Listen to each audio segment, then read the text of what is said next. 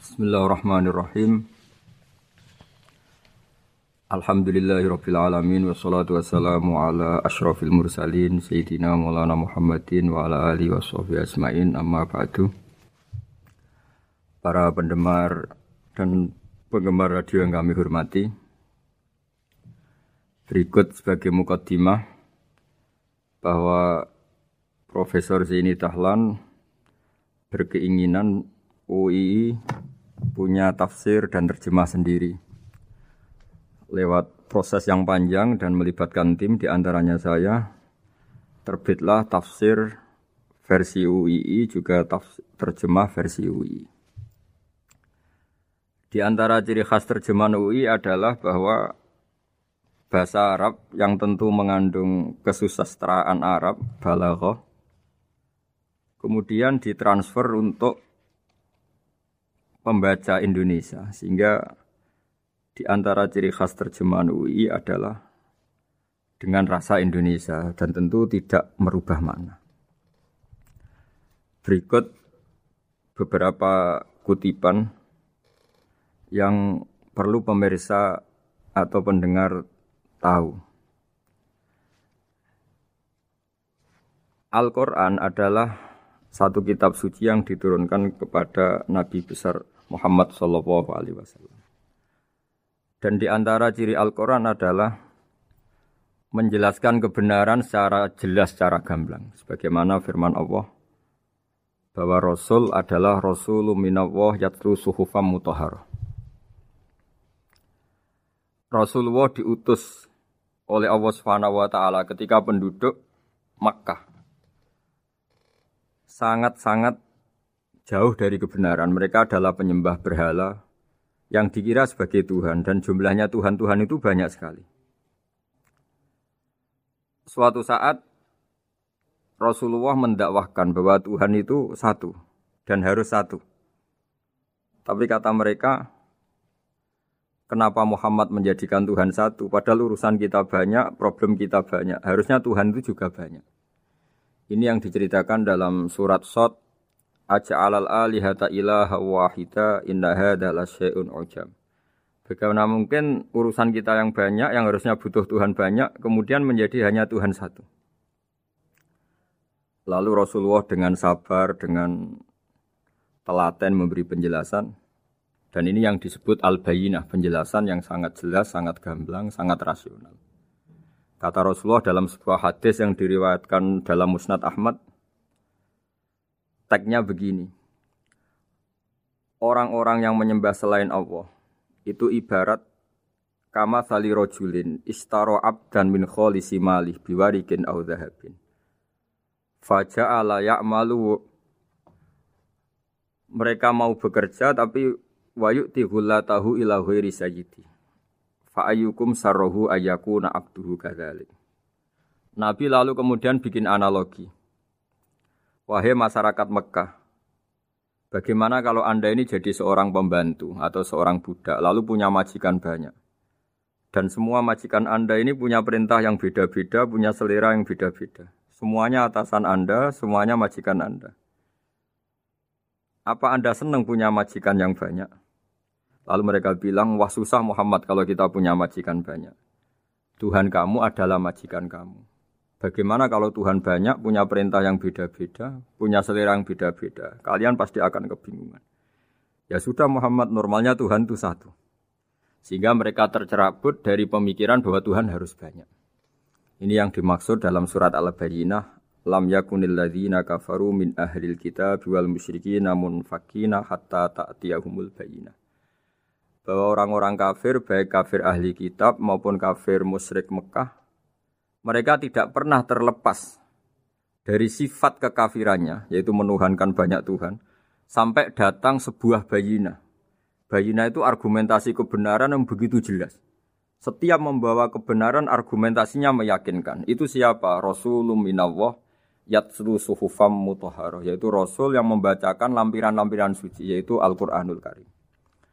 Dengan penjelasan analogi tadi kemudian orang-orang Mekah sadar susahnya kayak apa kalau Tuhan banyak lalu perintahnya beda-beda, seleranya beda-beda, hukumnya beda-beda. Ini membingungkan.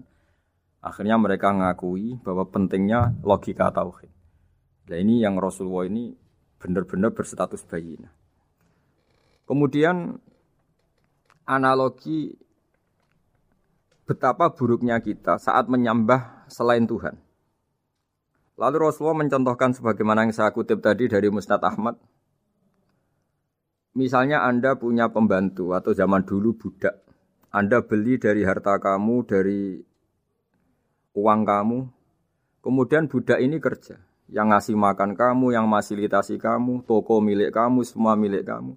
Kemudian dia kerja dan hasil dari kerjanya dia dikasihkan ke orang lain.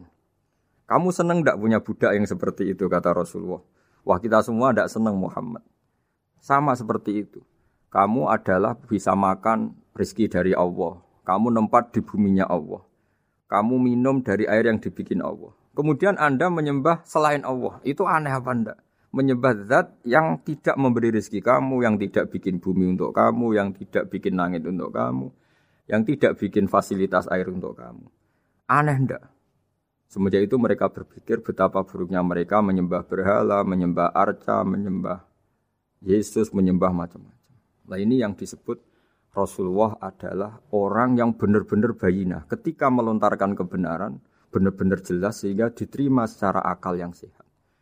Karena semua akal yang sehat akan menerima agama ini disebut fitratallahi fatorna salih. Bahwa agama ini agama fitrah. Orang yang normal, yang cara berpikir normal pasti menerima agama ini.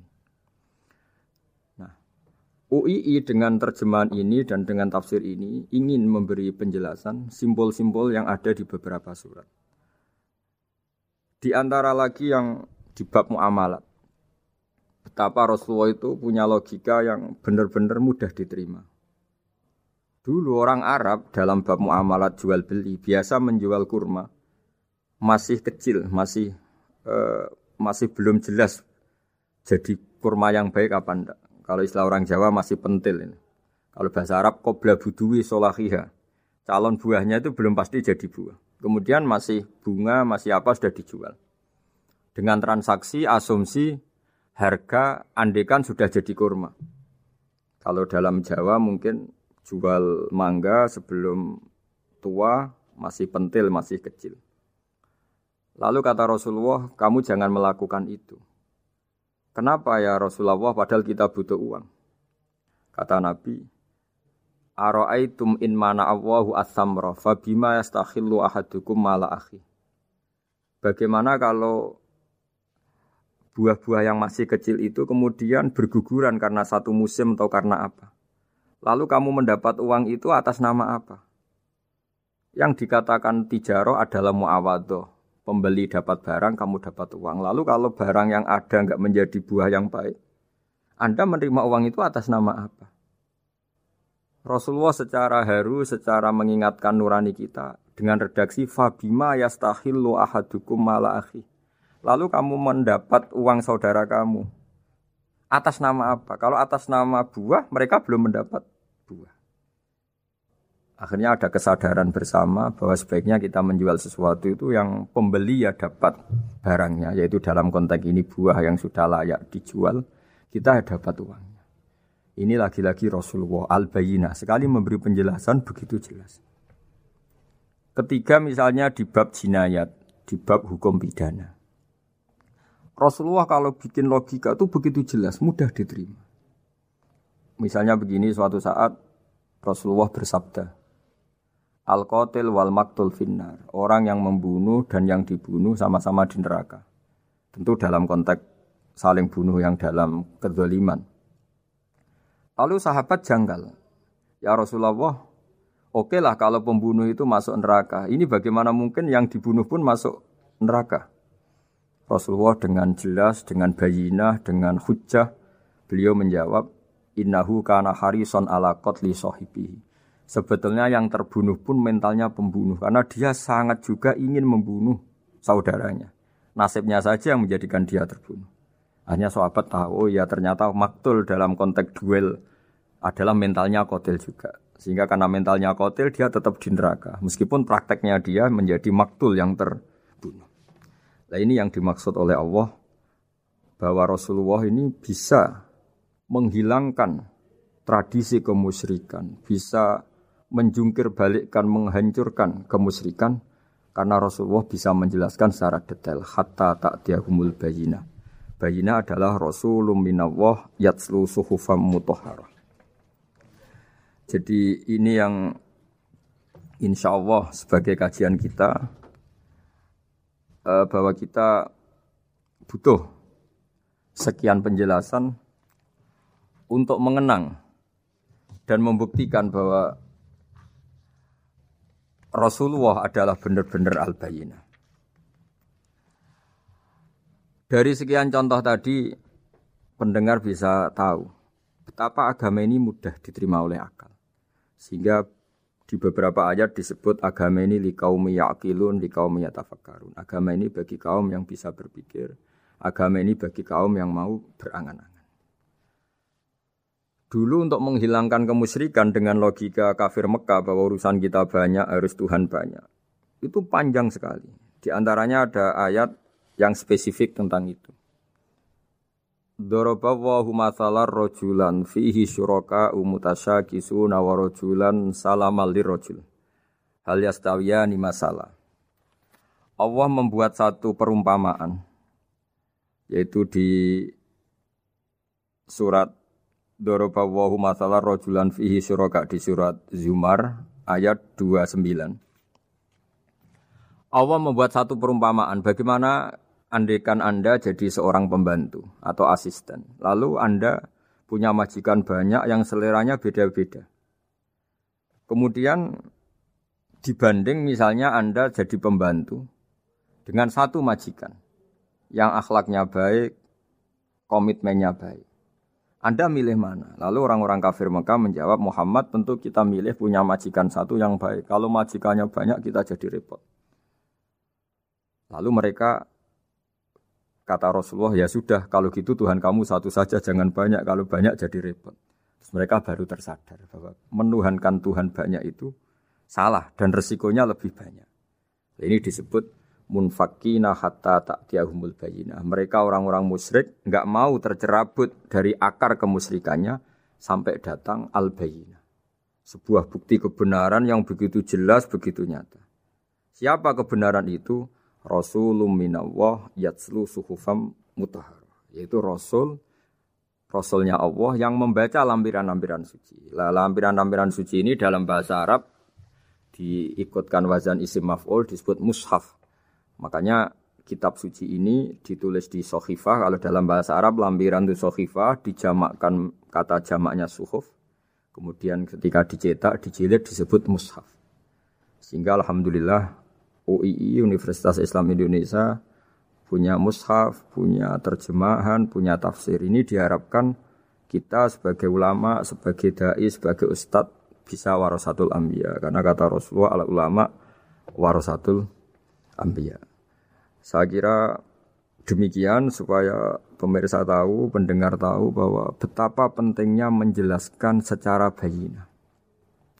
Ini penting sekali karena sekarang uh, pikiran di dunia itu macam-macam dan kita butuh energi untuk mengungkap lagi intisari-intisari dari sesuatu yang digulirkan atau dibahas Al-Qur'anul Karim. Sehingga Al-Qur'an ini benar-benar jadi ibrah, jadi teladan bagi kita semua. Jangan sampai karena kita lupa mengkaji Al-Quran sehingga hukum-hukum Al-Quran menjadi mandek. Kita harus terus mensosialisasikan supaya Quran ini hidup. Caranya gimana? Masyarakat dirangsang supaya tahu al-bayinah. Contoh yang terakhir sebelum menutup perjumpaan kali ini, misalnya dulu orang kafir Mekah itu janggal. Karena mereka juga punya kajian bahwa Nabi itu bersyarat harus turunan dari bangsa Israel. Karena semua nabi itu pasti turunan Nabi Ibrahim. Yaitu Nabi Ibrahim punya anak yang bernama Ishak. Ishak punya anak yang bernama Yakub. Yakub ini yang nanti punya anak Yusuf sehingga Yusuf bin Yakub bin Ishak bin Ibrahim. Ketika nabi-nabi ini hidup di Palestina di Yerusalem, itu kayak jadi aturan bahwa nabi itu harus turunan Bani Israel. Sehingga ketika orang-orang kafir Mekah dari kelompok ahli kitab, ketika Rasulullah Muhammad mendakwahkan diri sebagai nabi, mereka janggal bagaimana mungkin nabi dari orang Arab. Nabi itu harusnya orang Yerusalem atau orang Palestina. Kemudian Allah memberi penjelasan fihi ayatum bayinatum maqamu Ibrahim bahwa Muhammad adalah turunan Ibrahim. Bukti nyata adalah di Mekah ada jejak kakinya Nabi Ibrahim, yaitu yang sekarang kita sebut makom Ibrahim. Setelah dilacak-lacak ternyata mbah-mbahnya Rasulullah atau nenek moyang atau leluhur Rasulullah bernama Adnan. Adnan ini kata sejarah-sejarah disepakati wa adnanu bila roy bin intadzabil ulumin nasabiyah ila dzabihi Ismail nisbatuhu wa muntama. Bahwa Adnan ini tertulis secara sejarah lengkap bahwa dia turunan dari Nabi Ismail. Ismail adalah anak dari Nabi Ibrahim. Kemudian makom Ibrahim ini juga dibuktikan sekian sejarah bahwa Ibrahim pernah di situ. Yaitu ketika Hajar, ibu dari Ismail, kesulitan nyari air, lalu lalang lari antara Sofa dan Marwah. Kemudian kita kenang sekarang bernama Sa'i. Kemudian dekat Ka'bah ada namanya Hijir Ismail. Karena dulu jadi kamarnya Nabi Ismail. Hijir, Hujro itu kamar atau ruang khusus untuk Nabi Ismail. Sehingga jelas sekali bahwa Ibrahim, Ismail, Hajar pernah hidup di Mekah. Lalu lagi-lagi orang kafir Mekah yang dari kelompok ahli kitab sadar bahwa Muhammad jadi nabi layak karena dia juga turunan dari Ibrahim alaihis salam. Ini yang disebut fi ayatum bayinatum maqamu Ibrahim bahwa di kawasan Mekah, kawasan Bakkah atau kawasan Hijaz jelas sekali ada jejak-jejak Nabi Ibrahim. Lagi-lagi ini bayina. Nah, bayina ini yang bisa menghilangkan sifat kemusyrikan, sifat kekufuran. Karena lewat penjelasan yang panjang ini, kemudian benar-benar diketahui bahwa Muhammad jadi Nabi itu sah. Karena dari segi dakwahnya benar, perilakunya benar, hujahnya benar. Sekarang dari segi nasab juga benar karena beliau termasuk keturunan dari Nabi Ibrahim alaihissalam lewat jalur Ismail.